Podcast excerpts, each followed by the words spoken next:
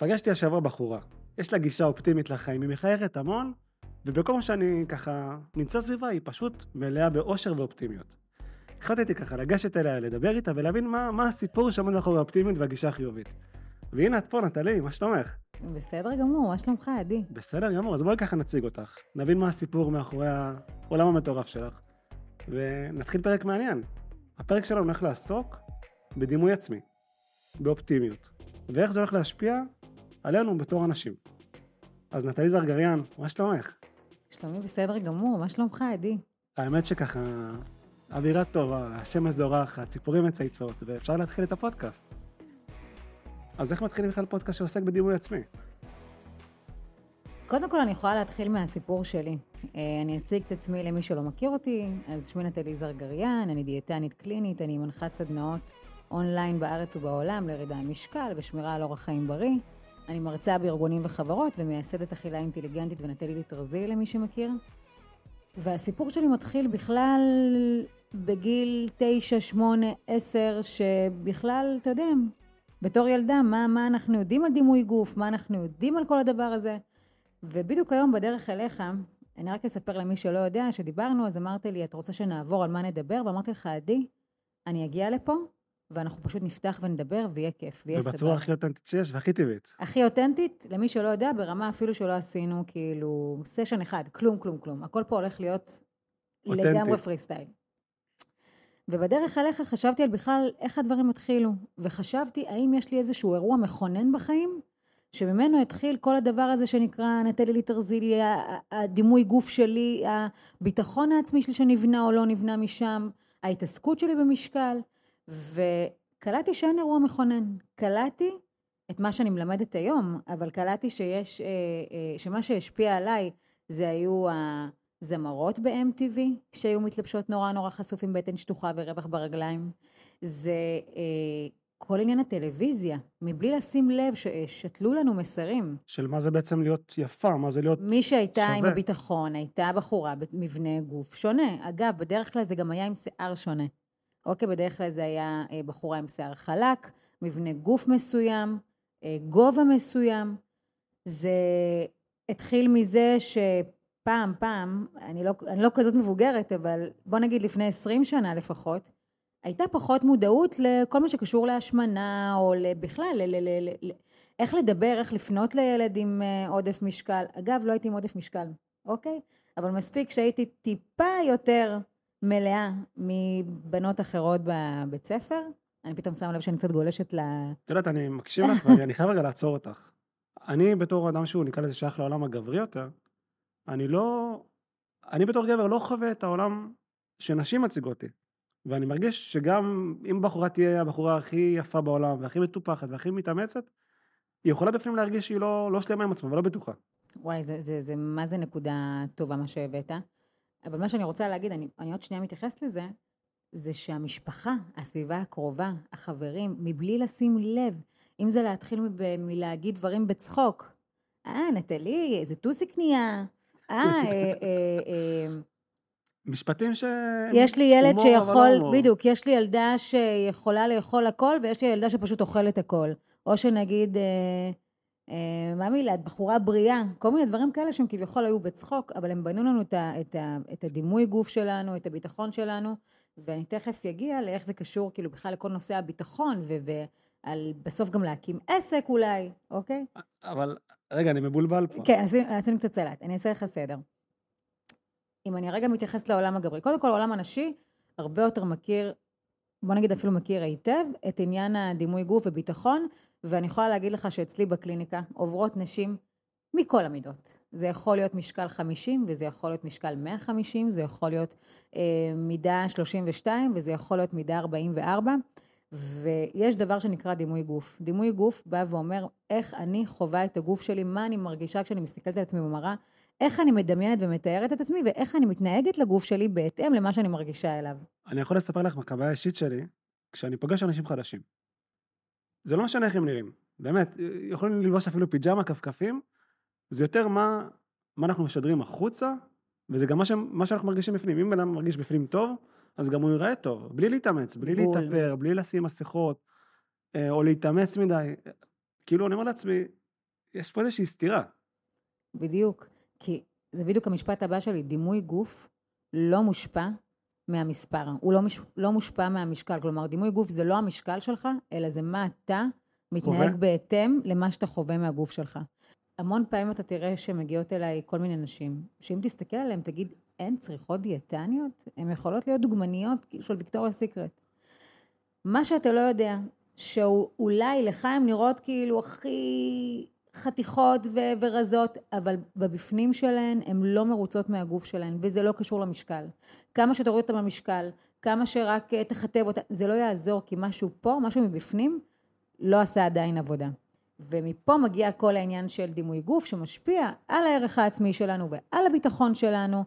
אה, יש פה אבל איזשהו גלגל אינסופי של מחזוריות. כלומר, אם אדם מסוים מרגיש שהוא לא שלם עם עצמו, לא טוב לו עם הגוף שלו, אז גם זה יכול להשפיע לו באיזושהי, אה, אה, באיזשהו אופן על אינטראקציות חברתיות ואיך אני מתקשר, ואולי לא מגיע לי דברים מסוימים, כאילו זה פוגע בכל מיני תחומי חיים? חד, חד משמעית. אם אתה תעשה שאלון, אתה תראה שהרבה אנשים שלא מרוצים מאיך שהם נראים, זה משפיע על בחירת בני הזוג שלהם. זה משפיע אפילו על בחירת עבודה. אני המון פעמים עושה שאלונים, ואתה תראה שהרבה לקוחות שלי בטוחים שמגיע להם עבודה טובה יותר, אבל בגלל, וזה מצחיק, זה מתחיל בכלל מהדימוי גוף שלהם, בגלל שהם מרגישים לא ראויים בקטע, במובן מסוים, באספקט מסוים, זה משפיע עליהם על אספקט אחר. Uh, בגלל זה המון פעמים תראה שאנשים שפתאום עשו שינוי מטורף, ירידה מטורפת במשקל, פתאום השקעה, פתאום חלקם uh, הלא, הלא לא קטן מתגרשים, או משנים עבודה, או משנים פאזה בחיים. זה לא סתם, זה לא בגלל המשקל עצמו כמו שנעשתה עבודה אחרת, שפתאום הם מרגישים ראויים יותר. עכשיו תבוא, תבוא השאלה ו, uh, ותשאל אותי, רגע. אבל מה השתנה בעצם? בדיוק, אז, אז רגע, אז צריך לרדת במשקל כדי להרגיש ראוי? או שצריך קודם כל לעשות עבודה ואז לרדת במשקל? הייתי אומר אה, להתחיל עם עבודה פנימית. חד משמעית. חד משמעית. בדרך כלל, אגב, אה, אצלי בקליניקה אני עושה את התהליכים במקביל. כלומר, גם יש את העניין של העבודה הפיזית, ורגע אה, להכניס אוכל שהוא טוב, להתייחס לגוף בצורה טובה, כי ברגע שאני אוכלת מעבר לשובע, אני פוגעת בגוף שלי, יש פה איזשהו עניין של הרס עצמי. אז גם העניין הזה, וגם להבין, למשל, המון פעמים בקליניקה אני מדברת עם, אה, עם הלקוחות שלי אני, על העניין של לשנות שפה. אני לא תוקעת אוכל, אני לא בולסת, אני לא דופקת לאפה, אני אוכלת. לאכול זה פעולה טבעית. אני בת אנוש, זה נורא נורא טבעי שאני אוכל. כלומר, את בעצם משנה פה את השפה כדי להשפיע גם על הפרשנות האישית שלנו. חד משמעית. כי כשאני אומרת, אני תוקעת בורקס, אז אני מתייחסת אל עצמי כתוקעת בורקס. אני לא ראויה, לא מגיע לי לאכול אוכל כמו בורקס. אסור לי בכלל ליהנות מלתקוע בורקס. אבל ברגע שאני אומרת, אכלתי בורקס. אני מסכים איתך. כמו ש... אגב, כמו שאני יכולה לאכול סלט, יש לי המון שיחות עם uh, לקוחות בקליניקה שהם מתביישים לאכול נגיד uh, בורקס או לאפה, אתה יודע, מהמזונות היותר עתירים. היותר טעימים. היותר, מה שנקרא לנשמה. מאוד מביך אותם לאכול את זה בציבור, כי כאילו, באיזה זכות הם אוכלים ועוד נהנים מזה? הרי בציבור הם צריכים, אם אתה שמן, אתה צריך לאכול סלט, אתה צריך לאכול קוטג', טונה, ביצים. אני בא בגישה, אני בתור אדם שמאוד מאוד אוהב לאכול ולבשל, ואני, מטבח זה החיים שלי, אני חושב שלאכול זה, זה, זה כיף. אני, אני אוכל ואני נשבע לך, אני נהנה, זו חוויה. חד משמעית, ואני גם תמיד מדברת על זה. שאנשים המון פעמים מגיעים אליי, אתה יודע, עם מה שהם מכירים מלפני על דיאטות וכאלה, ואומרים, נטלי, אני בא לתת פה עבודה. תני לי סלטים, טונה, זה, זה.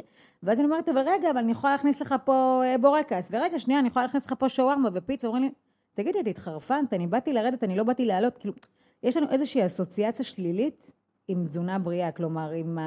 יאללה, עכשיו רק לסבול. ככה אנחנו מכירים את זה. אבל זה יוצא תוצאה הפוכה, אם אני מבין אותך נכון. אבל בעצם, אבל בעצם, כמו שאתה אומר, צריך ליהנות מהאוכל. לא צריך לסבול. אגב, גם בתהליך של ירידה למשקל, בסוף אנחנו צריכים ליהנות מהאוכל כדי שנוכל להתמיד עם זה. אבל מרגיש שאנחנו מה זה יכולים להתפזר עכשיו. תקשיב, אני יכולה לדבר על תזונה 300 שעות. לכל הכיוונים האפשריים. אז אני רגע מחזירה אותנו לעניין של אה, איך התזונה יכולה להשפיע על אה, דימוי עצמי, על אה, תחושת ביטחון, על ערך עצמי. אני רוצה לספר לך שהרבה אנשים שמגיעים אליי לתהליך, בהתחלה יש איזשהו חוסר כבוד עצמי כזה. כשאת אומרת חוסר כבוד זה... באיזה אופנים זה מגיע? וואי, מלא. כלומר, זה יכול להגיע ברבדים של אה, זה לא מגיע לי, זה לא שלי. את יודעת, אני, אני יכול להגיד לך כזה דבר, אני, אני יכול גם להגיד על עצמי. בילדות שלי, אה, למשל, את יודעת, בתור גבר מצפים מגבר להתחיל עם בחורות וליזום, אז התחלתי עם בחורות, והיה לי מאוד מאוד קשה. הייתי מגמגם, והייתי, הייתה לי חרדה מסוימת. וככל שעבר הזמן הבנתי שרגע, אם אני רוצה לעשות פעולה מסוימת, אני פשוט צריך לקבל את עצמי ולהגיד, רגע, מה אני מעניק לעולם הזה? איזה ערך אני נותן? ואם אני נותן ערך, אז למה שאני לא ראוי לכל הטוב הזה? זה... זה נראה לי מקביל למה שאת מתארת פה עכשיו. זה מקסים קודם כל מה שאמרת, והכל מתחבר תמיד, ו... וואי, זה, זה הולך לכל כך הרבה כיוונים. חוסר כבוד כלפי עצמי מתחיל מזה שאני לא מרגישה בכלל ראויה לתהליך. שאני כאילו מרגישה שלא מגיע לי. לא מגיע לי ליהנות מהגוף שלי, לא מגיע לי ליהנות מהאוכל, זה מתחיל משם. זה עובר לזה שלא מגיע לי להשקיע באוכל, תמיד זה לחטוף משהו. אבל לילדים שלי, פגז. אוכל, פגז. לבן זוג, אבל לי לא מגיע. אגב... איך זה, לא יודע, זה לא מסתדר לי, כי אני אומר לעצמי, אם את משקיעה באוהבים שלך, אז קודם כל תשקיעי בעצמך, כי כשאת משקיעה בעצמך, את משקיעה בהם. אז זה אחד הדברים. רוב האנשים שנמצאים אצלי בקליניקה, ואני, מה שמוגדר חוסר כבוד עצמי לא, לאוכל שלהם, לגוף, זה האנשים הכי מרצים בעולם. בעבודה הם העובדים הכי מצטיינים. בני זוג הם תמיד כאילו הבני זוג הכי טובים שיש. הם ההורים הכי טובים שיש, הילדים שלהם מתוקתקים. יש לי המון מנהלים, מנהלים שיש להם אה, מאות עובדים, אה, עשרות עובדים. בדרך כלל זה יהיו אנשי, אה, אנשי עסקים הכי טובים שיש, שדואגים עד לעובד לאחרון לכל דבר. בסוף הם צריכים איפשהו לוותר, כי הכל מתוקתק בכל, בכל מקום. והמקום הראשון שהם יוותרו בו, זה יהיה המקום שלהם. כי זה אסקפיזם שלנו. כי זה המקום לבוא ולהגיד, טוב, אני פחות חשוב. קודם כל אני ארצה את X, Y, Z, קודם כל כולם. זה כלומר ממקום של, ממקום של אני קודם כל רוצה לתת לסביבה, אני שם את עצמי רגע מאחורה. אני שם את עצמי בסוף. ומפה מגיע המקום של אה, חוסר כבוד עצמי. אגב, עוד דבר שאני תמיד אומרת אה, ללקוחות שלי, נגיד והשמנת, מה בדרך כלל עובר לך בראש? טוב, אני לא אקנה עכשיו בגדים, אני לא מקבל את עצמי כמו שאני עכשיו. אני לא מכבד את הגוף שלי כשהוא עכשיו, אני מכבד אותו עם, עם עשרה קילו פחות. אז אני לא אקנה בגדים, ואני אלך עם מה שיש ואני אסבול ואני אתבאס. מבחינתי זה חוסר כבוד לגוף. אבל ברגע שאני אומרת, אוקיי, השמנתי, סבבה. אני מקבלת את המצב הקיים, אני לא חייבת לאהוב, אי אפשר להכריח בן אדם לאהוב משהו שהוא לא אוהב, אבל אני חייבת לקבל. ואני מקבלת את זה, ואני קונה בגדים בהתאם, שעושים לי כיף, שנעימים לי, ש- שמכבדים את הגוף שלי, שלא לוחצים לי. אוקיי, אם אני שמה איזה ג'ינס שהוא לא נוח לי והוא צמוד, ואני מתפוצצת, ואני יכולה לקנות ג'ינס שתי מידות יותר, מידה יותר, ולהרגיש יותר נוח, יותר יפה, יותר... אני מכבדת הרבה יותר את הגוף שלי. זה משפיע על כל החלטה בעצם, זה... זה הכל. הכל איכשהו, אתה יודע, הכל כזה ככה. שתי וערב, הכל מתחבר. ממש, ממש. אז אני אומר לעצמי, את מתארת פה איזושהי בעיה שחלק בלתי נפרד מהאוכלוסייה מתמודד איתה, דימוי עצמי. נכון. אבל מה בעצם גורם לנו, לא- גורם לנו לא, לא לאהוב את עצמנו? כאילו, מה הסיבה שבן אדם לא יקום בבוקר ויגיד לעצמו, איזה עולם יפה, כל השפע הזה מסביב מגיע לי, אני ראוי או ראויה לו. מה גורם לנו בעצם לפערים הללו בין מה שאנחנו רואים לו לבין מה שאנחנו לא רואים לו? איך אפשר למצוא את הקו המאזן הזה? וואו, תקשיב, זה כל כך הרבה דברים. לדעתי זה מתחיל בראש ובראשונה מהמעגל הכי קרוב שלך. מה... אם היה לך אח שהיה נגיד יותר חכם בלימודים, או, או יותר ספורטאי, או יותר, בעל יותר הישגים, נגיד מש... אם, אם הוא גדול ממך, אז בדרך כלל הוא יהיה בעל יותר הישגים ממך, כי הוא כבר יש לו איזה פור של שנה, שנתיים, שלוש, ארבע עליך. כלומר, מהזווית שלך זה בעצם נובע מהעובדה שאנחנו משווים את עצמנו לאנשים אחרים. זה דבר אחד. דבר שני, זה שהמשפחה שלנו משווה אותנו. תראה את הילד הזה, איזה חמוד איך הוא יושב בשקט ואתה לא. אה, זה מתחיל יש... מגיל אפס. מגיל אפס. אה, אם יש שני אחים שאחד, אני תמיד לוקחת את זה איכשהו למשקל ואכילה, כי זה המקום הטבעי שלי, אבל שני אחים שאחד מלא יותר ואחד רזה יותר, אז לאחד תמיד זה כזה, אה, אה, שים לב, לא, אנחנו אמרנו שאנחנו אוכלים רק ממתק אחד, ולשני שיאכל מה שהוא רוצה. אז זה מתחיל משם. זה מתחיל ממקום שאנחנו מרצים, שכל אחד והסיפור חיים שלו אנחנו מנסים לרצות, ואז אנחנו לא תמיד מבינים מה הערך שלנו. זה יכול להיות uh, מחוויה כיתתית, מחרם שנעשה. אפילו נקרא לזה פיצוי. נכון. זה, כלומר, אני עכשיו uh, uh, בורח לכיוון של... יודעת מה, זה לא רק אוכל. אני יכול נניח לברוח לכיוונים של אה, סמים נקרא לזה, או לכיוונים אחרים, אני רוצה רגע לברוח מהמציאות, יש כאלה שיברחו על ידי אוכל, יש כאלה שיברחו על ידי אקסטרים, אה, ריגושים, כל אחד בורח לכיוון שהוא מוצא נכון לברוח אליו. כלומר, אנחנו בורחים מהמציאות שאנחנו לא כל כך אוהבים, באיזשהו מקום. את יודעת, גם אם עכשיו נסתכל על המציאות היום, כשאני, כשאני הייתי צעיר יותר, הייתי רוצה להכיר אנשים, הייתי פשוט מדבר איתם, ברחוב, בקניון, בכל מקום. היום כדי להכיר אנשים, מה את עושה? נכנסת לפייסבוק, לאינסטגרם, רואה את התמונות שלהם, אומרת, אוקיי, זה בן אדם שהולך לחדר כושר, זה בן אדם שאוכל טוב, יש לו חיים מעניינים, עושה ספורט, לא יודע מה. אה, אנחנו שופטים על סמך תמונות ופילטרים. כלומר, בצעירות שלי, כשהייתי רוצה להכיר בן אדם, הייתי צריך רגע לדבר איתו, שיחת עומק, כמו עכשיו. וזה השתנה לגמרי, אני אומר לעצמי, היום שופטים אותנו כמעט 100% מהפעמים לפי איך שהפרופיל שלנו נראה. חד, חד, חד משמעית. ואתה יודע, אני רואה את זה, אני רוצה להגיד לך שאני רואה את זה רק על צעירים, רק על בני נוער, אבל לצערי המאוד מאוד רב, כולנו, מגיל 6, ואולי אפילו פחות, ועד גיל 50, 60, 70, כולנו מושפעים מה, מהרשתות החברתיות האלה, ממה שנראה. אה, הצטלמה, עכשיו, אנשים, אגב, אנשים לא מבינים שהכל עניין של זוויות, ווואו, יש לי נקודה מה זה חשובה להגיד על זה, אני תכף אזכור אותה. אבל אנשים כל כך מושפעים ממה שהם רואים, וגם, נגיד, אנחנו רואים כל מיני משפיעניות, איך הן מצטלמות, בזווית מסוימת, תכניסו את הבטן, תנסו את זה, הצטלמו בנקודה הכי יפה של הבית. עשתה 4,000 תמונות לפני... אגב, גם אנחנו, עכשיו שאנחנו מצטלמים, אנחנו בנקודה יפה בבית, מישהו יודע מה הולך מסביב, אנשים לא יודעים את זה. והם לוקחים את הנקודה הזאת, משליכים אותה על כל כך הרבה דברים. מילה לגבי זוויות צילום, כי איכשהו תמיד הכל התקשר לי לתזונה ולדימוי גוף וכאלה. אין כמעט בוא נגיד אחת לחודש לפחות, כי כבר הלקוחות שלי מורגלים. שלקוחה לא שולחת לי, תקשיבי נטלי, את לא מבינה, אני מרגישה מדהים בתהליך, הכל מדהים, מדהים, מדהים, מדהים. אל תשאלי, אתמול צילמו אותי תמונה באימון, בחברים, במפגש, ופתאום הסתכלתי על התמונה ואמרתי, יאללה, אני לא מאמינה, אני מרגישה נפלא, וככה אני נראית. אני נראית כמו סופגניה, אני נראית כמו קבב, אני נראית... ואני רוצה להגיד על זה משהו, ואני אגיד את זה, אני, אומרת, אני מעלה את זה המון המון, גם באינסטגרם שלי, תמיד אני מעלה בסטוריז. יש השפעה לזווית צילום. ולפעמים אתה יכול להרגיש מדהים עם הגוף שלך, אתה יכול להרגיש, ובפנים אתה אומר, בואנה, אני קליבר, אני נראה אש, אני מדהים, אני...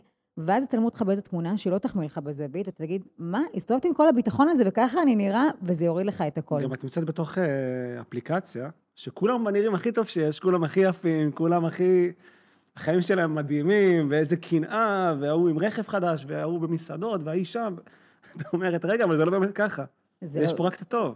זה לא באמת ככה, ובגלל שאני באה, אגב, מעולם הרשתות החברתיות, באינסטגרם, אני מכירה הרבה אנשים שהם כאילו מהכוכבים של האינסטגרם. היום אני, אנחנו כבר ישנים, זה כבר טיק טוק, אוקיי, אנחנו צריכים להתקדם. אנחנו שנות ה-90, אנחנו כבר זקנים. בדיוק. אין לך מושג, עדי, כמה שקר, ואני רואה את השקר הזה יום-יום, אני רואה אנשים מעלים תמונה, אה, סרטונים כאילו הם נוהגים על רכב ולא יודעת מה, והרכב הזה הוא משולם בתשלומים והם במינוס בבנק, או שלמשל מישהי, בתחום שלי אגב, זה תמיד מצחיק לראות אה, בנ, אה, מנטוריות שבאות ואומרות, חברות, אל תעשו אישום יוכל, בא לכן, תאכלו. ואותן מנטוריות מסתובבות עם הפרעות אכילה קשות, ומהבוקר עד הערב בחדר כושר. כאילו, אם יש לי משהו חשוב להגיד, ואפילו בא לי להסתכל על המצלמה ולהגיד את זה, אתם לא יודעים כמה שקר יש ברשתות החברתיות. תהיו חכמים, אל תאמינו, יותר נכון כמעט ואל תאמינו לשום דבר שמסופר לכם שם. זהו, הייתי חייבת להגיד את זה, כי אני יודעת... כי זה מעצבן אותם. זה נורא נורא מעצבן. זה נורא מעצבן, כי בסוף לא משנה כמה אתה חכם, ואני בטוחה שאתה... גם אה, הבוגרים שלי מבינינו, זה משפיע עלינו כשאני מסתכלת על הבן זוג שלי, או על העסק שלי, או על הבית שלי, ואני אומרת, וואי, אבל איך היא השיגה יותר? ואיך היא אומרת שהיא אוכלת הכל והיא עדיין רזה? ואיך פה? כי או שזה זה... לא בהכרח האמת המלאה, או שהם מציירים את האמת רק מהזוויות הנכונות. בדיוק. אתה יודע שבשיעור 2, בתוכנית שלי, אז אני מתחילה את זה בזה שאני אומרת שאני רוצה לספר להם, שפעם אחת פנתה אליי מישהי ואמרה, נטלי, אני נורא מתלבטת האם לעשות את התוכנית שלך, או תוכנית של מישהי אחרת, היא פשוט אחרי... אני נגיד לא אחרי לידות, היא הייתה אחרי לידות, היא נורא נורא נורא נורא רזה, בלי להעליב אותך, נטלי כמובן. והיא תמיד מספרת אה, באינסטגרם ובזה שהיא אוכלת מה שבא לה והכל טוב, ובא לך סופגניה, תאכלי סופגניה, בא לך זה, ולא חייב להתאמן כל היום. ואז התחלתי את השיעור בזה שאמרתי לבנות בתוכנית, שקודם כל, בגלל שאני באה, קודם כל ברור שכל אחת תלך לפי האינטואיציה שלה איפה שנכון. זה רגע אני שמה בצד. גם זה קשור לגנים ול... קודם כל, ברור שזה קשור לגנים. גם בתקופות הכי, הכי רזות שלי, בגיל 17, היום בדיעבד, שאני חושבת על זה, יש מצב שזה בכלל אפילו הייתה אנורקסיה. הייתה לי תקופה, בגיל 17, שפתאום גיליתי את עולם המלצרות, ועבדתי כל החופש הגדול במלצרות, ואכלתי חצי ארוחה ביום, אוקיי? היום אני מסתכלת ואני אומרת, oh my God, מה קרה שם? ירדתי המון המון המון. גם אז היו לי ידיים יותר גדולות ביחס לשאר האיברים. גם אז תמיד הייתה לי בטן. ו... אה, ומה שרציתי להגיד זה... קודם כל תודה לך על השיתוף. זה רגיש מאוד, זה, זה לא מובן מאליו לדבר בצורה הפתוחה הזו. כשעושים עבודה, אז פתאום הדברים הכי הכי סגורים והאפלים שלך הופכים להיות הכי בסדר. ואני רוצה להגיד לך עוד משהו. כשחשבתי, אוקיי, רגע, אני באה לשם, אני אצטלם. אני שאני כבר דיאטנית כבר אה, תקופה, ואני מלווה אנשים, אני מעבירה תהליכים. אפילו אני, תבין כאילו כמה אנחנו... אה, אה, פוגעים בעצמנו. כמה זה מושרש בתוכנו, עם כל העבודה העצמית. אני אומרת, רגע, הוא יצלם, הוא יצלם בזווית, יראו את זה, ואז אמרתי, אני הולכת להיכנס ולהגיד, חבר'ה, יש את זה, זה טבעי. ואני מתאמנת כל יום, ואני אוכלת פגז, ו... יש משהו... ויש פה עוגיות על השולחן. ויש פה עוגיות ואנחנו לא נמנעים והכל בסדר, אבל אני אומרת שבסוף זה טבעי, וזה טבעי, ולא לכל אחת יהיו קוביות, גם אם תתאמן כל יום וגם אם תאכל פגז, ולא לכל אחת תהיה יד מאוד מאוד דקיקה, כי בגנטיקה שלה זה יהיה שונה. אבל רגע, אני מחזירה את זה. אה, אה, שוב, זה חוזר מההתחלה להאם אני אוהבת את עצמי, האם אני אוהבת את עצמי. אמרתי לך, אני יכולה לדבר על, על הדברים האלה שלושה ימים ברצף. אה, בעצם זה לא משנה כמה את או אתה באמת תתאמנו, בסוף אתם תראו איך שאתם תראו, כי זה מה שיש. אז יש פה, יש, פה, יש פה מרכיב, תראה, יש פה מרכיב מאוד מאוד גדול של גנטיקה, בסדר? אפשר לשחק עם זה.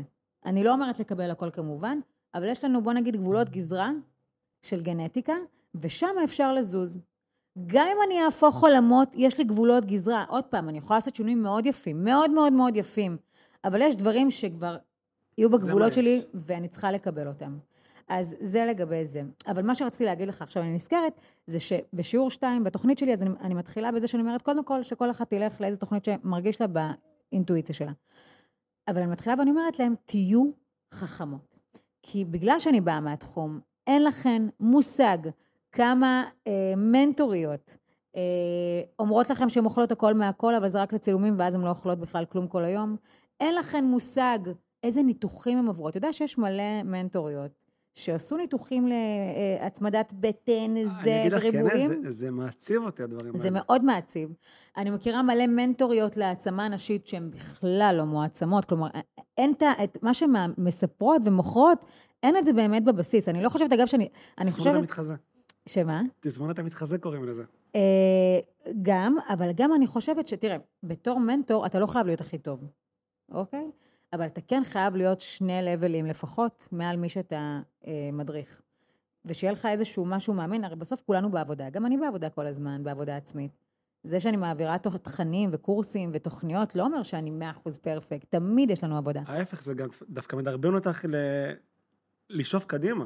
כי את אומרת, רגע, אני עכשיו נמצאת פה באיזשהו תפקיד שאני צריכה להכווין, להראות את הדרך, וגם אני בתור אחת שמכווינה את הדרך, אני בעצמי מכירה את המכשולים, מכירה את האתגרים, אני יודעת שזה לא פשוט, אני בעצמי נתקלת בזה. אז רגע, איך אני מנווטת? וזה גם בסדר להגיד שוואלה, גם חוטאים לפעמים, זה בסדר. אני, אתה, אתה מדבר, יש לי עוד דברים להגיד, אבל אני רק, רק אגיד את הנקודה הקודמת, אני אסיים ואני אמשיך איתה למה שאתה אמרת. אין לכם מושג כמה מנטורות עושים ניתוחי בטן, ואז אומרות, מה, זה עבודה, זה תזונה, כמה עושים הזרקות. הזרקות, אה, כל הזריקות האלה שמורידות במשקל ואומרות, מה, רק עברתי לתזונה וספורט וזה.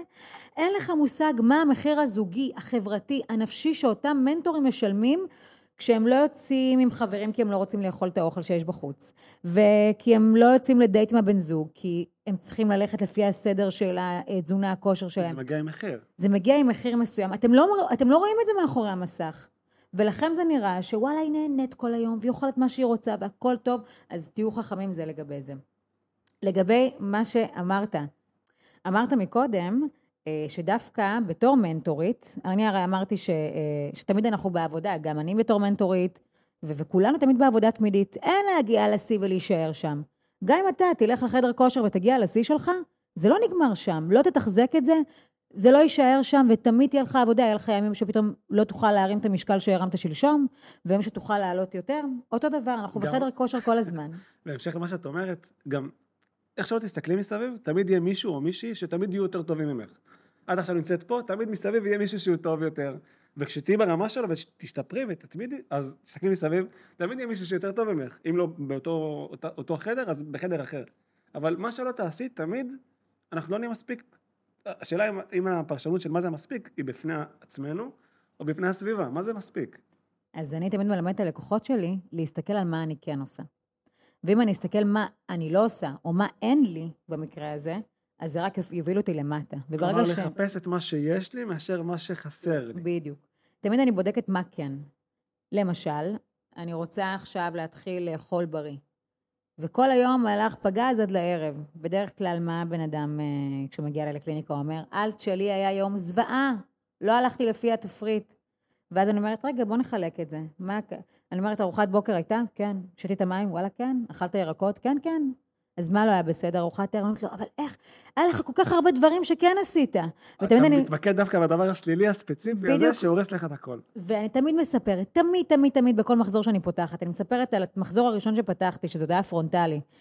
והיה לי 25 בנות. 24 בנות עפו, עפו, עפו על התוכנית, עפו על הקורס, אין לך מושג. אישה אחת הגיעה לבעלת סטודיו ששם עשיתי את התוכנית ואמרה, תקשיבי, לא נהניתי מהתוכנית של נטלי, אני רוצה את הכסף בחזרה. ואני סימנתי את כל התוכנית ככישלון. 24 בנות עפו על התוכנית, היה להם שינוי מדהים, אחת לא התחברה, סימנתי את זה ככישלון. מה אני באה להגיד? יש לנו, יש לנו נטייה להדיר את המה לא, ולתת לו את הכותרת של כל החוויה. כשאנחנו לא מסתכלים על הכן, מה כן עשינו, מה כן יש לנו בידיים. זה מאתגר, אבל להסתכל דווקא על הצדדים האופטימיים ועל החיוביים, זה מאוד מאוד מאתגר. כלומר, זה הרבה יותר קל להגיד, רע לי, קשה לי, לא טוב לי, חסר לי, הם אשמים. כאילו, זה מאוד מאוד קל להסתכל רגע על, על הדברים הרעים. כל רגע להסתכל, איזה כיף, אני עכשיו נמצא באווירה נעימה, ויש לי פה שיחה טובה. זה מאוד מאוד קל להתמקד בשלילי מאשר בחיובי. אז אני אספר לך. זה, זה, זה כיף יותר, נקרא לזה, זה יותר כיף להתמסכן. יותר כיף להיות קורבן, כי כשאתה קורבן אין לך אחריות לקחת. נכון. ואני רוצה להגיד לך שעשו פעם מחקר ובדקו איזה עיר הכי מאושרת בארץ. איזה עיר, אתה מנחש? בארץ? כן. בטוח שלא תל אביב? אה, כנראה. שזה מצחיק, כי שם יש את כל ה... הייתי אומר משהו בפריפריה הרחוקה. כלומר, זה לא יכול להיות מרכז או עוטף מרכז, זה חייב להיות ממש פריפריה, קיבוץ או איזשהו משהו ב... למה? בגלל מה? כי לאף אחד לא אכפת, כולם עושים מה שטוב להם, יש שקט, פסטורליות. גם אה, באפריקה יש אה, פסטורליות. אני בטוח ששם הרבה יותר, הרבה יותר מאושרים מאיתנו, כי הם מסתפקים במועט. אז אני רוצה לספר לך, שעשו מחקר וראו שבני ברק זו העיר הכי מאושרת, מאושרת באלף כנראה, לא מאושרת בעין. רגע, רגע, רגע, אני מנסה רגע להבין. בואי נחדד את זה. העיר בני ברק, לפי מה שהמחקר שאת משתפת, זאת העיר הכי מאושרת לפי המחקר? לפי המחקר, אגב, אני לא זוכרת את המחקר הזה, אני, לי העבירו את הסיפור הזה ואני מעבירה אותו הלאה. איזה מטורף זה. אה, בדקו וזו העיר הכי מאושרת בארץ, אתה יודע למה? קהילה אולי, משפחתיות. כי רוב הקהילה בבני ברק, מה היא? חרדים. קהילה חרדית. מה עושה הקהילה החרדית בבוקר? אומרת? תודה. מודה אני, נכון? כלומר, קודם כל אנחנו מודים על מה שיש לנו. ובזה שאנחנו רואים מה כן יש לנו, זה גורם לנו להמשיך ולהתקדם. וכשאני מסבירה את זה בתהליכים אצלי, וכשאני אומרת, טוב, בוא נראה, בוא נראה מה כן עשית. אז אומרים לי, נטלי, אל תהיי רכה איתי, יאללה, יאללה. אני, אני אומרת להם, תקשיבו, תקשיבו, לא ממקום של uh, להיות רכה, ממקום פרקטי. כשאני לא מסתכלת על מה שיש לי, קשה לי להתקדם. אבל כשאני מעריכה את מה שאני אומרת תודה, זה נותן לי יותר drive להמשיך. כשאני מסתכלת על בעיקר מה לא, אני מראש אני אומרת, יאללה, אין לי מה. גם ככה אני מזלזלת, אז לא, אז ו... לא, זה כבר לא משנה. אגב, הנה, מקרה, אירוע מקרה ממש ממש אה, חדש. לפני כמה זמן הייתי באיזשהו סטודיו לנשים, שאני הייתי שם מבין הכי חזקות. הכי חזקות, וכל הזמן ראיתי מה אני כן. כמה אני חזקה, כולן לא מצליחות את הרגיל הזה, אני עושה אותו פגז. כולן מרימות 50, אני מרימה 80. עפתי על זה, הייתי מגיעה כל יום, עפה על, על הסטודיו. הגעתי לסטודיו אחר, אני הפכתי להיות הלא חזקה. זה שוב מחזיר אותנו לשיחה שאנחנו ברגע מסוים יכולים להיות למעלה, רגע אחד למטה. רגע אחד למטה. ועכשיו הייתי הכי חזקה בסטודיו הזה. הגעתי למקום שאני ממש לא חזקה בסטודיו השני, פתאום כולם כזה הרקולסים, הרוב המוחלט היה גברים, עושים תרגילים אחרים ממה שאני מכירה. ופתאום הסתכלתי, רוב השיעור יצא לי להסתכל, מה אני לא? כי הם עושים תרגיל ואני לא, הם עושים את המשקל אה, כזה, אני לא. וככל ש... משיעור לשיעור ראיתי רק מה אני לא. לא הייתה לי מוטיבציה להגיע לסטודיו. עכשיו, אני חולת כושר, אני מתה על ספורט. ועדיין, בגלל שהסתכלתי על הלא, לא רציתי בכלל להגיע למקום הזה. זה גם פוגע לך בחוויה. זה פוגע בחוויה, ובהמשך זה גם יכול אה, לפגוע ב- ב- בערך העצמי. זה אגב למה אומרים להגיד לילדים, וואו, איזה יופי עשית, וואו, איזה יופי בחרת מה ללבוש. כלומר, לחזק להם את, המה, את, ה, את, את הכן, את, את הכן ואת המסוגלות שלך, זה לגמרי לגמרי מתחבר. תראי, אנחנו נוגעים פה בנושאים שהם ממש, נקרא לזה עולם שלם. כי זה לא רק איך שאני מרגיש, זה איך שאני עושה, ואיך שאני מתעורר, ואיך שאני גם מתקשר. חד משמעית. כלומר, כל פעולה קטנה ביום שלנו יכולה לעשות שינוי משמעותי בחיים שלמים. אני רוצה להגיד לך משהו. אתה מדבר, פתאום עולים לי מלא מלא דברים. המון פעמים מגיעות אליי לקליניקה נשים, ושוב, אני מזכירה, סליחה שאני אומרת בעיקר נשים, זה, זה הרבה יותר קל לי בלשון, כי אני מטפלת יותר בנשים, אבל יש, זה מופנה גם לגברים. ואומרות לי, נטלי, תקשיבי, הגעתי למקום שזוועה לי, לא טוב לי עם הגוף שלי, עם המשקל שלי, ואני רוצה לעשות תהליך. ותמיד אני עושה תיאום ציפיות, אוקיי, מה את רוצה? ואז הן אומרות, אה, אני רוצה להגיע למשקל שבו הייתי נראית פגז. כל אחת עם המשקל שלה, יד 65, 70, 55, כל אחת והמספר שלה. ואז אני תמיד אומרת, רגע, יש לי שאלה. בתמונה ההיא כשאת מראה לי ששקלת 55 או 60 או 70, הרגשת טוב? תמיד. התשובה תהיה לא? עדי, תמיד התשובה תהיה וואלה, גם אז לא הרגשתי טוב עם עצמי. והמון פעמים, עכשיו, אני לא באה בקריאה ל... תקבלי את עצמך כמו שאת, אל תרדי בכלל משקל, תעשי מה שטוב לך, לא טוב לך איפה שאת נמצאת, תעשי. אבל זה מתחיל מקודם כל לקבל את הגוף שלך כמו שהוא עכשיו, ודווקא ממקום של קבלה, את רוצה לעשות תהליך, ולא ממקום של פחד ושנאה. בוא נגיד לך, אבל איפה הבעיה המרכזית פה? לפחות הבעיה שנקרא לזה שנות ה-90 ו... שנות ה-2000 ומעלה. אנשים קמים בבוקר ומקבלים איזשהו יחס אוהד או איזושהי התפעלות מהעולם שהיא לא תואמת את המציאות. ולחזור שוב לאינסטגרם ולמדיות החברתיות. אני אקח רגע דוגמה נשית כי זה יותר נכון. בחורה יכולה לקום בבוקר, פותחת את העיניים, עוד לא שצריכה שיניים, יש לה עדיין ריח של אייבל פה, והיא מקבלת 400 הודעות מ-400 גברים שונים, אני רוצה לצאת איתך. עכשיו אני אומר לעצמי, רגע, מה היא עשתה כבר? היא, היא לא נתנה עדיין ערך לעולם. היא לא יצרה איזושהי משמעות, תקשורת, משהו חיובי. היא עדיין עם הריח של הפה בלילה, וכבר היא מקבלת מיליון פניות. הבעיה היא ש-99% מהפניות האלה הן פניות בכלל לא רלוונטיות. אז כאילו, יש פה איזושהי אשלה שמצד אחד אנחנו נמצאים בשפע, מצד, מצד שני, במציאות האמיתית, בחיים האמיתיים שלנו, לא בפלאפון, השפע הזה לא באמת קיים. קודם כל, נכון, סגירה. נכון, אבל עדי, גם לפני הרשתות החברתיות. נשים שהיו יפות יותר, היו מקבלות יותר פניות ויותר כנראה קידומים אולי. אבל עכשיו זה הרבה יותר גלובלי, זה הרבה יותר זה נכון. גדל. המצוקה שאת מתארת אפילו גדולה יותר. נכון, והייתה לי, אגב, הייתה לי פעם עובדת, אה, כשבאתי, ניהלתי, לא משנה מה, והיא הייתה אושיית אינסטגרם, ילדה בת 18. סליחה שאני אומרת ילדה, אבל...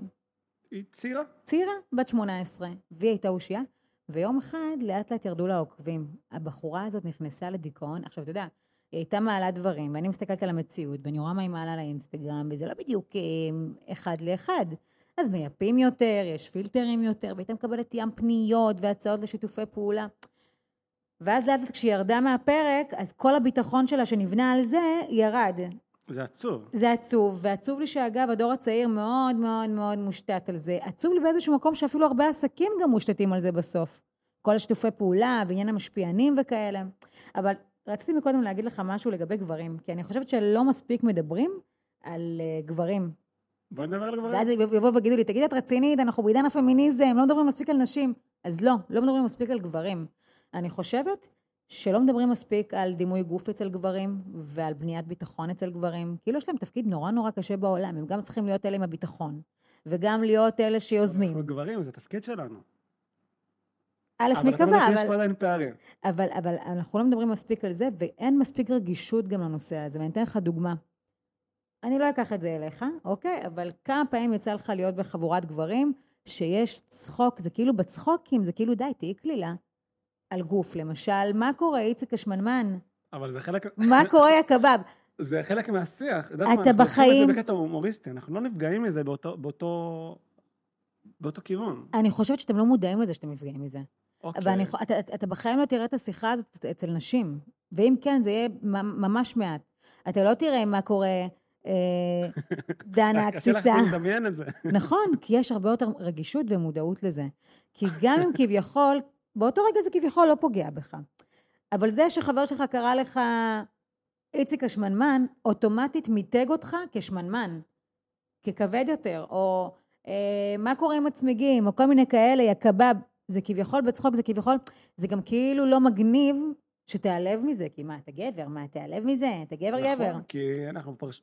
לגבר, בחינוך, נקרא לזה, שלנו, הגבר אמור להיות חזק, אמור להיות אה, פחות רגיש, אמור להיות...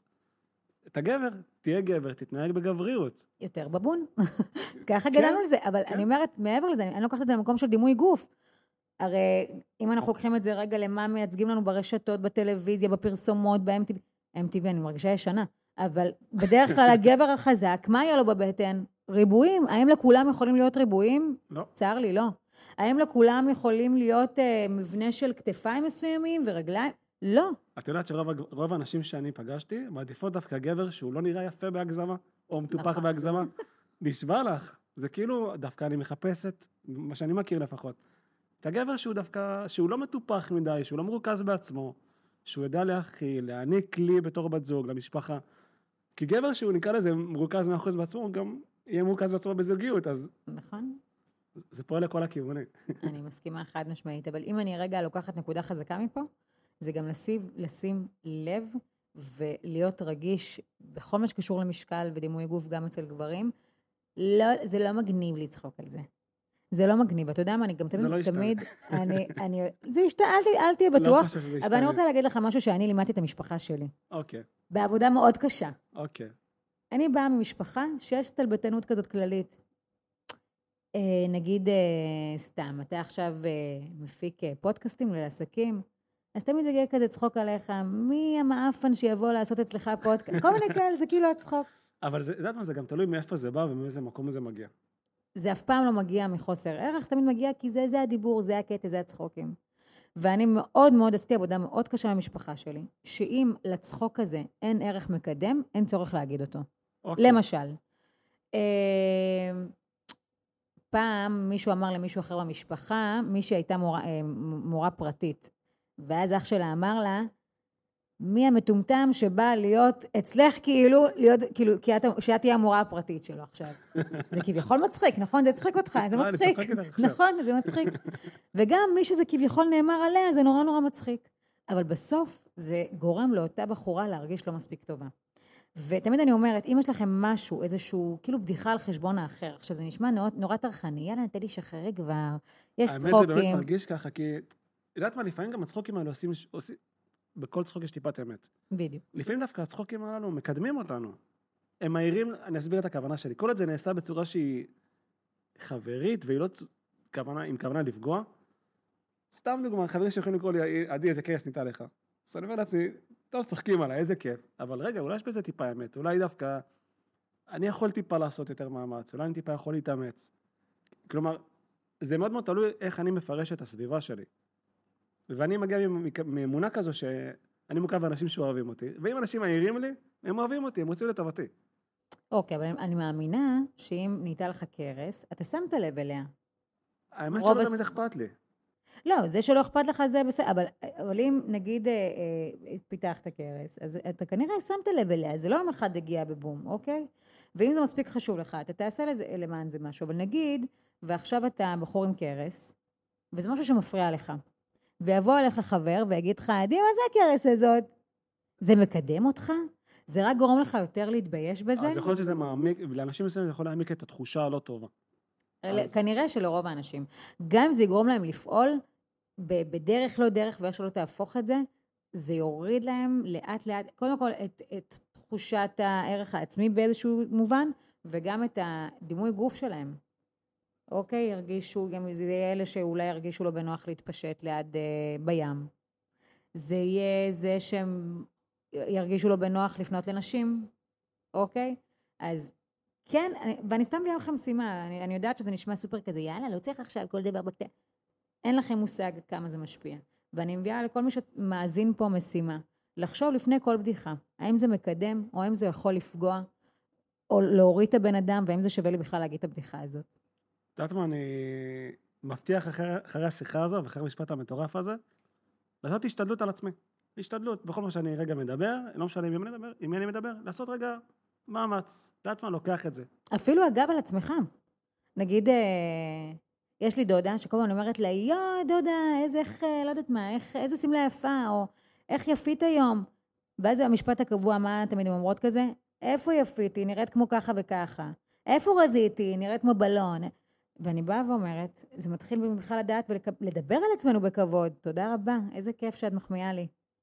וגם זה כיף לקבל מחמאות. נכון, נכון. זה... אנחנו מושפעים גם מהחיזוקים של הסביבה שלנו. נכון. וכשהסביבה מחזקת אותנו, אנחנו גם מתחזקים מזה. זה... את יודעת, אנחנו בהרבה מובנים מושפעים מהתחושה של הסביבה שלנו כלפינו. החלק הכי מרכזי לדעתי בשינוי העצמי שלנו זה להבין איפה מתחיל השינוי. מה אנחנו יכולים לעשות כדי להתחיל את השינוי, את השינוי, את האופטימיות, את האהבה העצמית. אילו פעולות אנחנו יכולים לעשות כבר עכשיו, שיעזור לנו לייצר שינוי, אהבה עצמית. אה, אה, הרי זה, זה אמור להיות פשוט. המשימות פשוטות ואפשר ליישם אותן כבר עכשיו. אה, חלק מהמשימות יכולות להיות פשוטות וחלק יכולות להיות מאוד מורכבות. אוקיי. תלוי על מה זה יושב. אני, אני המון פעמים נותנת משימה, נגיד אם אני לוקחת את זה לתחום האוכל, אוקיי? אני מביאה משימה. לעמוד ערום, ערומה, מול המראה, ולהסתכל על החלקים שאני הכי פחות אוהבת בי. שאת הכי פחות אוהבת? הכי פחות אוהבת. נגיד, אוקיי. את לא אוקיי. מתחברת לבטן, נהדר, תבהי בה. הרבה אנשים יגידו לי שבכלל לא יוצא להם להסתכל על עצמם כל כך הרבה. הם יגלו שהם פשוט יוצאים מהמקלחת ישר להתלבש בלי, בלי לעבור ליד המראה.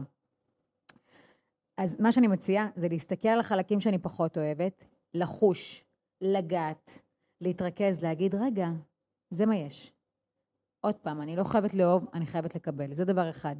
בזמן שנגעתי והסתכלתי על דברים שאני פחות אוהבת, אני מסתכלת על אזורים שאני יותר אוהבת, ואני אומרת, יואו, איך אני אוהבת את הידיים שלי? כלומר, לחפש את הדברים ש, ש, שכן יש לך... קודם כל, להבין שיש אזורים בגוף שאני יותר מתחברת אליהם, ואני מרגישה שייכת אליהם, והם שייכים אליי, ואני אוהבת אותם, ולהבין שיש חלקים שפחות. הם עדיין שלי, כל החלקים האלה יחד. הופכים אותך למי שאת. זה אני, ואני חייבת לקבל את זה, ואני חייבת לקבל את זה. זה דבר אחד. כשאנחנו מדברים על דברים שהם לא קשורים לגוף, אה, זה להבין קודם כל למה אני חושבת שמגיע לי התהליך הזה. כי אני חושבת שמגיע לי, כי אני ראויה להיות מאושרת, כי מגיע לי חיים אחרים. אני בכלל מרגישה שמגיע לי. אתה יודע ש... אני לא יודעת אם זה קשור, אבל זה סתם משהו מעניין.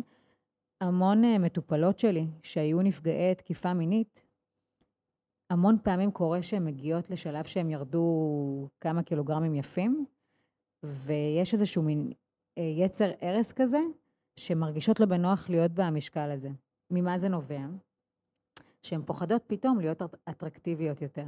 הן פוחדות להיות פתאום יותר בולטות. יש פה היה להם הרבה, בדיוק, והיה להם הרבה יותר קל להתכסות בשומנים. אף אחד לא רואה אותם, פחות חושקים בהם, מתלבשות מרושע, לא יותר איזה. ודווקא פתאום כשמתחילות לרדת, משהו מרגיש להם לא בנוח. זה לא האזור נוחות שלהם, הן יותר חשופות, יותר נועצים בהם הבתים, כי הן יותר חטובות.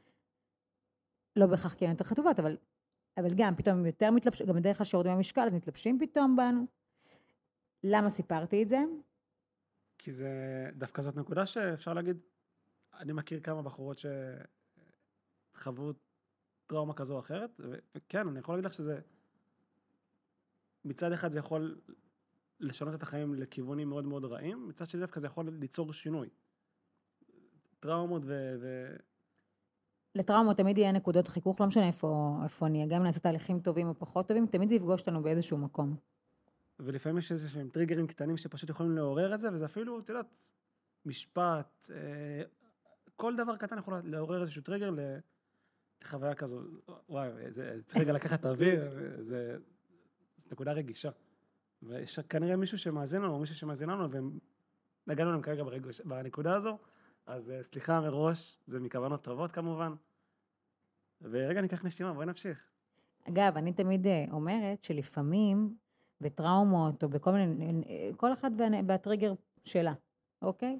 דווקא לפעמים, במקום לנסות להגיד, טוב, לא לגעת, לא לגעת, לא לשים, ההפך, תפתחו את זה רגע, אבל ב, ב, בהסתכלות, הכל בסדר. בואו נסתכל, בוא נסתכל על זה קצת בלבן של העיניים, נתרחק, נחזור, נסגור, נפתח. בואו נשחק. אם נשים את זה כל פעם סגור, זה יישאר כטראומה, זה יישאר סגור. ההפך, בואו נפתח, נחזור, נסגור, נפתח. גם זה יישאר בבטן וזה יצא בתור תסכול, יצא בתור יכולה- כעס. אני יכולה להגיד לך, נגיד, אה, משקל. יש לי לקוחות שלא רוצות להסתכל, להסתכל על המשקל, הן נשקלות, זה עושה להם טריגר, זה עושה להם פחד, זה עושה להם חנק. אגב, לא חייב להישקל אצלי, בסדר? אני רק שמה כוכבית. ויש כאלה שאני אומרת להם, את יודעת מה? בוא נשקל, בוא נסתכל לפחד בלבן של העיניים. ולפני כן אני עושה סימולציה, מה יקרה אם נראה מספר כזה וכזה? מה יקרה אם נראה ירידה? מה יקרה אם נראה עלייה? האם זה, את כרגע, את יודעת מה, איזה תהליך עברת? את מבסוטית ממה שנתת? את חותמת על מה שעשית? כן. אז מה זה משנה? אם המספר הזה יהיה X או המספר הזה יהיה Y. כלומר, לפעמים דווקא לבוא שנייה ולהגיד, אוקיי, רגע, מה, קורה, מה המצב הכי גרוע שיכול לקרות מבחינתי? א', מה יקרה אם יקרה המצב הזה? אחד, שתיים, מה שלוש, יקרה אם. תתעלמי גם? אם את תבחרי להתעלם מהסיטואציה, מה יקרה? האם זה יקדם אותך? האם זה יעכב אותך? אין לך מושג. אין, באמת, אני מרגישה עכשיו הכי... אה, כאילו באה לספר על עצמי, אבל זה באמת לא מהמקום הזה, אבל אין לך מושג כמה נשים הגיעו מהמקום של לא רוצה להסתכל על המשקל, אני רק רואה אותו, נהיה לי בחילה, לא רוצה, זה מגעיל אותי, זה מבאס אותי, לוואלה, המשקל לא מנהל אותי. כאילו, כי אז בעצם התפתחנו, לקחת. את הניהול עלינו.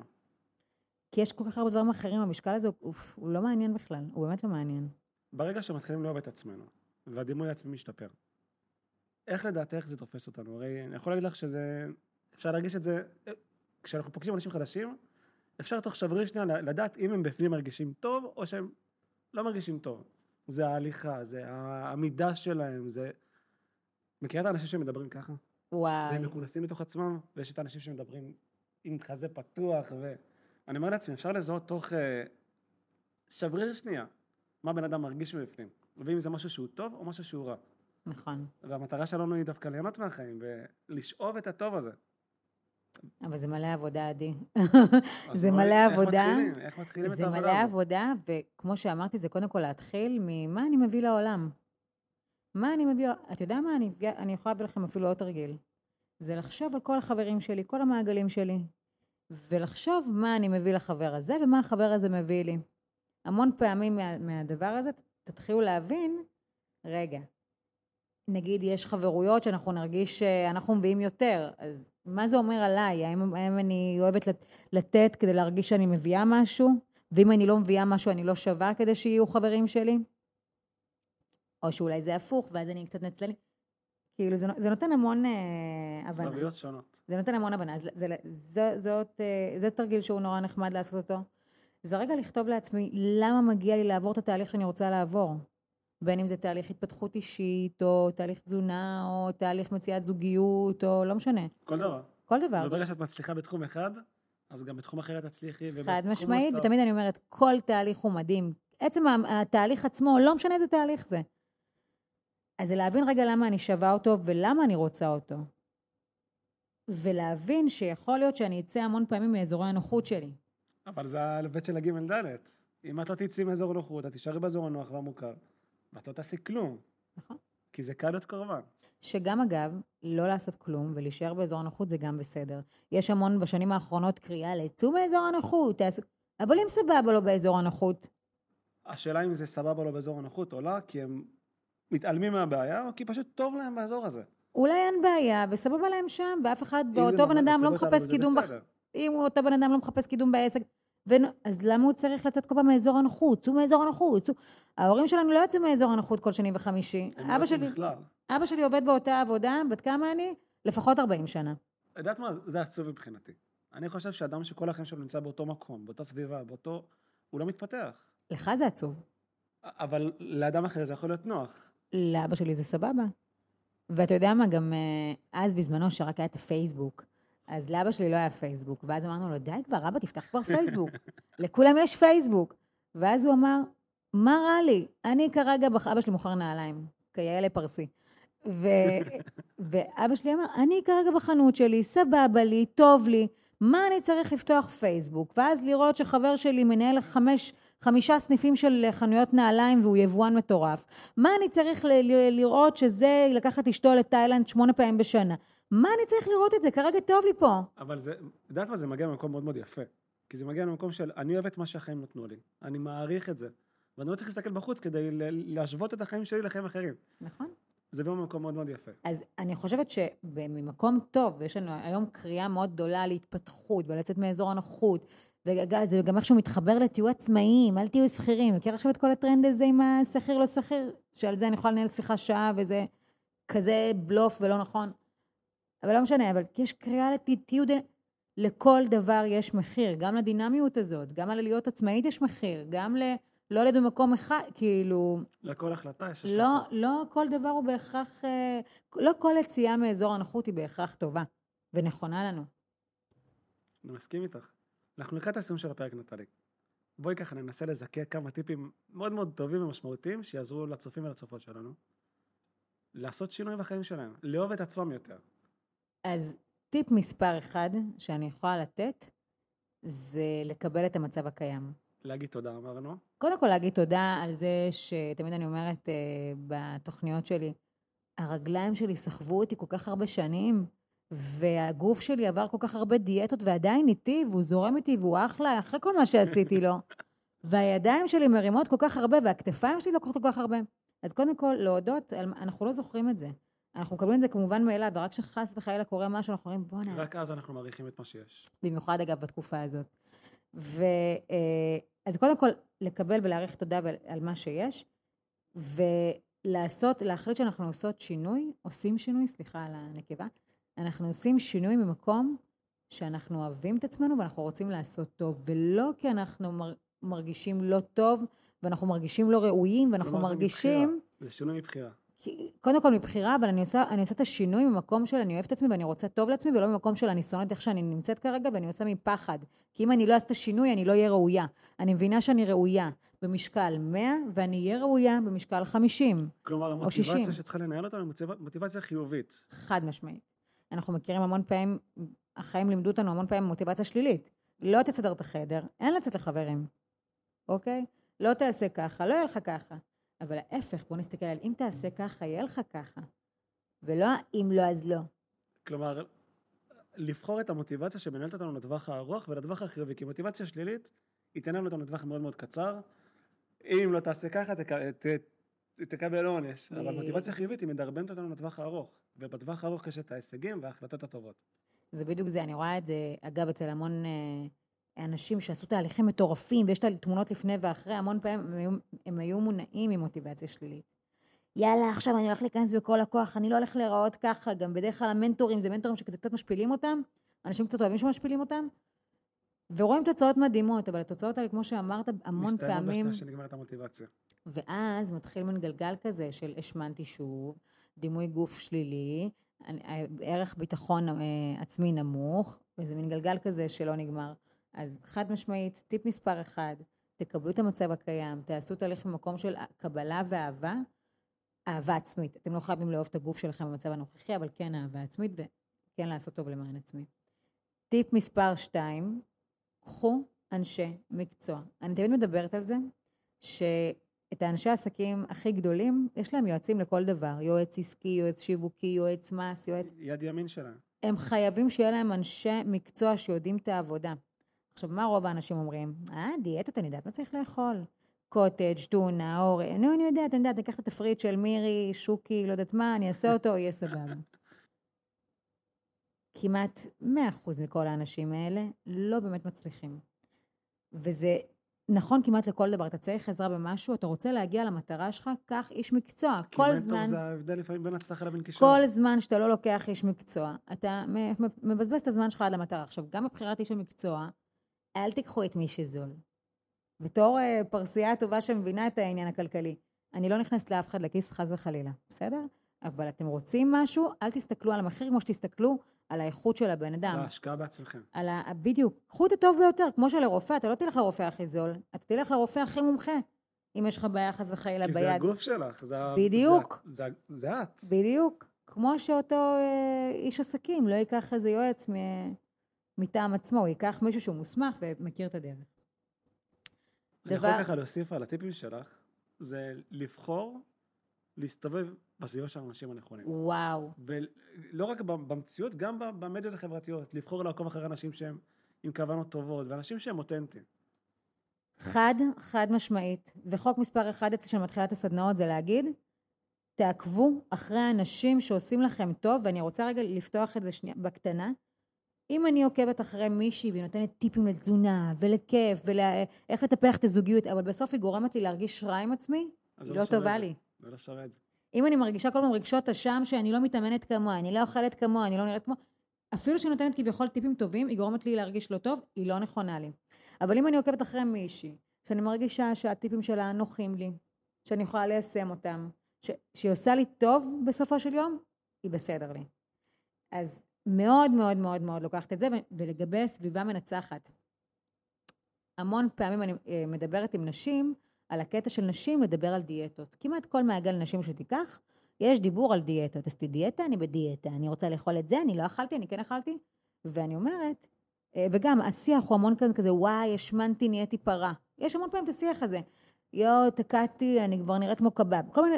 אז תנסו לבחור, עכשיו עוד פעם, לא על זה נפסול אנשים טובים, כן? לבחור את המילים ואת השפה. אבל כן ננסה לבחור נשים שהן יכולות לבנות לנו קהילת sisterhood כזאת, כאילו קהילת אחיות כזאת שמדברות בשפה הטובה, שמבינות את עניין הדימוי גוף, שכל השיח של... סביבה חיובית, אוקיי?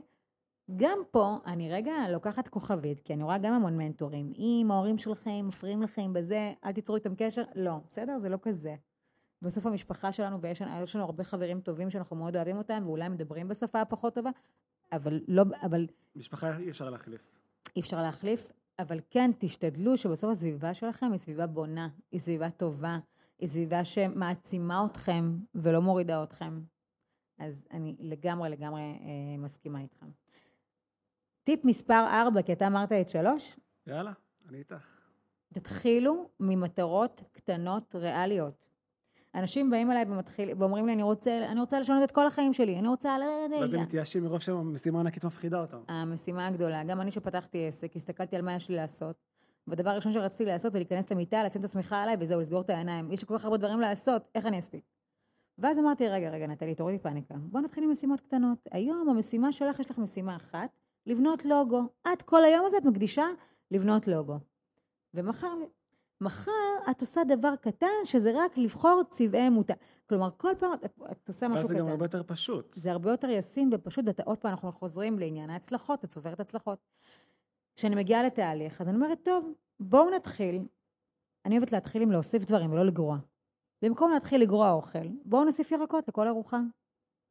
בואו נתחייב שלפחות ארוחה אחת ביום אנחנו מוסיפים שני ירקות. יש פה משימה שהיא אבל, אבל, אבל חייב לעמוד בה, חייב להתמיד. אני תמיד אומרת לכולם לתרגל את שריר ההתמדה. לא אכפת לי. גם זה נותן לנו תחושה של, של אהבה, כלומר, איזה, איזה כיף, הצלחנו, גם אם זו משימה קטנה, עשינו אותה, אנחנו גאים בעצמנו. כולנו בסוף ילד ששמח לקבל את המדבקה של החיוך שעשית משהו. נכון. אני, יש לי המון לקוחות שלא אוהבים לעשות ספורט. בערך כל לקוח שני מכריז בפניי שהוא לא אוהב לעשות ספורט והוא רוצה לרדת בלי ספורט, ואני אומרת לו, אין בעיה, אפשר הכל. אבל כן חייב לזוז, לא חייב ספורט, חייב לזוז. ואז אני מביאה להם את חוק הקילומטר. חוק הקילומטר אומר שהם מחויבים לי אה, לרדת מתחת לבית ולעשות קילומטר. קילומטר זה בערך עשר דקות. מה זה עשר דקות? עדי, אתה מחנה את הרכב אחרי העבודה, אתה עושה שנייה סיבוב, סגרת את זה. ואני אומרת להם, בואו בוא נעשה את זה פעמיים בשבוע. עכשיו, זה מרגיש נורא דבילי, פעמיים בשבוע, עשר דקות, נו יאללה, מה הבעיה? אבל אנחנו... מפתחת פה הרגל. אבל אני, אני מפתחת פה את עניין ההתמדה. אני אומרת להם, תקשיבו, אתם מחויבים לי לעשר דקות האלה. אוקיי? מה יצא מעבר יצא? וגם לא אכפת לי מה יהיה טיב האימון, טיב ההליכה, לא, אבל שימו נעליים, תרדו למטה, תעשו את הסיבוב. אני מתרגלת את שריר ההתמדה, וזה מה שקריטי לי. בתהליכים במיוחד, מה שקריטי לנו זה שריר ההתמדה. לא אכפת לי אם בסוף הייתה לכם ארוחה גדולה יותר והייתה גם חטיפים, אבל שריר ההתמדה, שלא משנה מה חתכתם ירקות לארוחה, בין אם זה היה ארבע אה, מגשי פיצות, ארבעה מגשי פיצות, או אה, סנדוויץ' אחד, עדיין חתכתם ירקות, מבחינתי זה שריר ההתמדה. כי השתדלתם. כי השתדלתם, כי אמרתם, אני לא משנה מה קורה היום, אני יש לי עוגן XYZ שאני עומד בו. זה, זה שריר ההתמדה שלי. אז זה טיפ מספר 4. טיפ חמישי ואחרון. לעזור לך? רוצה אני אקח את ההובלה פה? אוקיי, נו. טיפ חמישי. הייתי ככה מוסיף על הדברים שלך, פשוט לעשות. אתם רוצים לעשות שינוי בחיים שלכם? פשוט תקומו ותעשו אותו.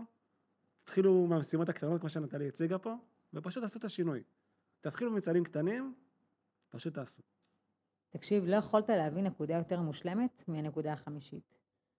אני תמיד אומרת שאנשים מבזבזים כל כך הרבה אנרגיה וכל כך הרבה מחשבות, להתחיל, לא להתחיל, לעשות, לא...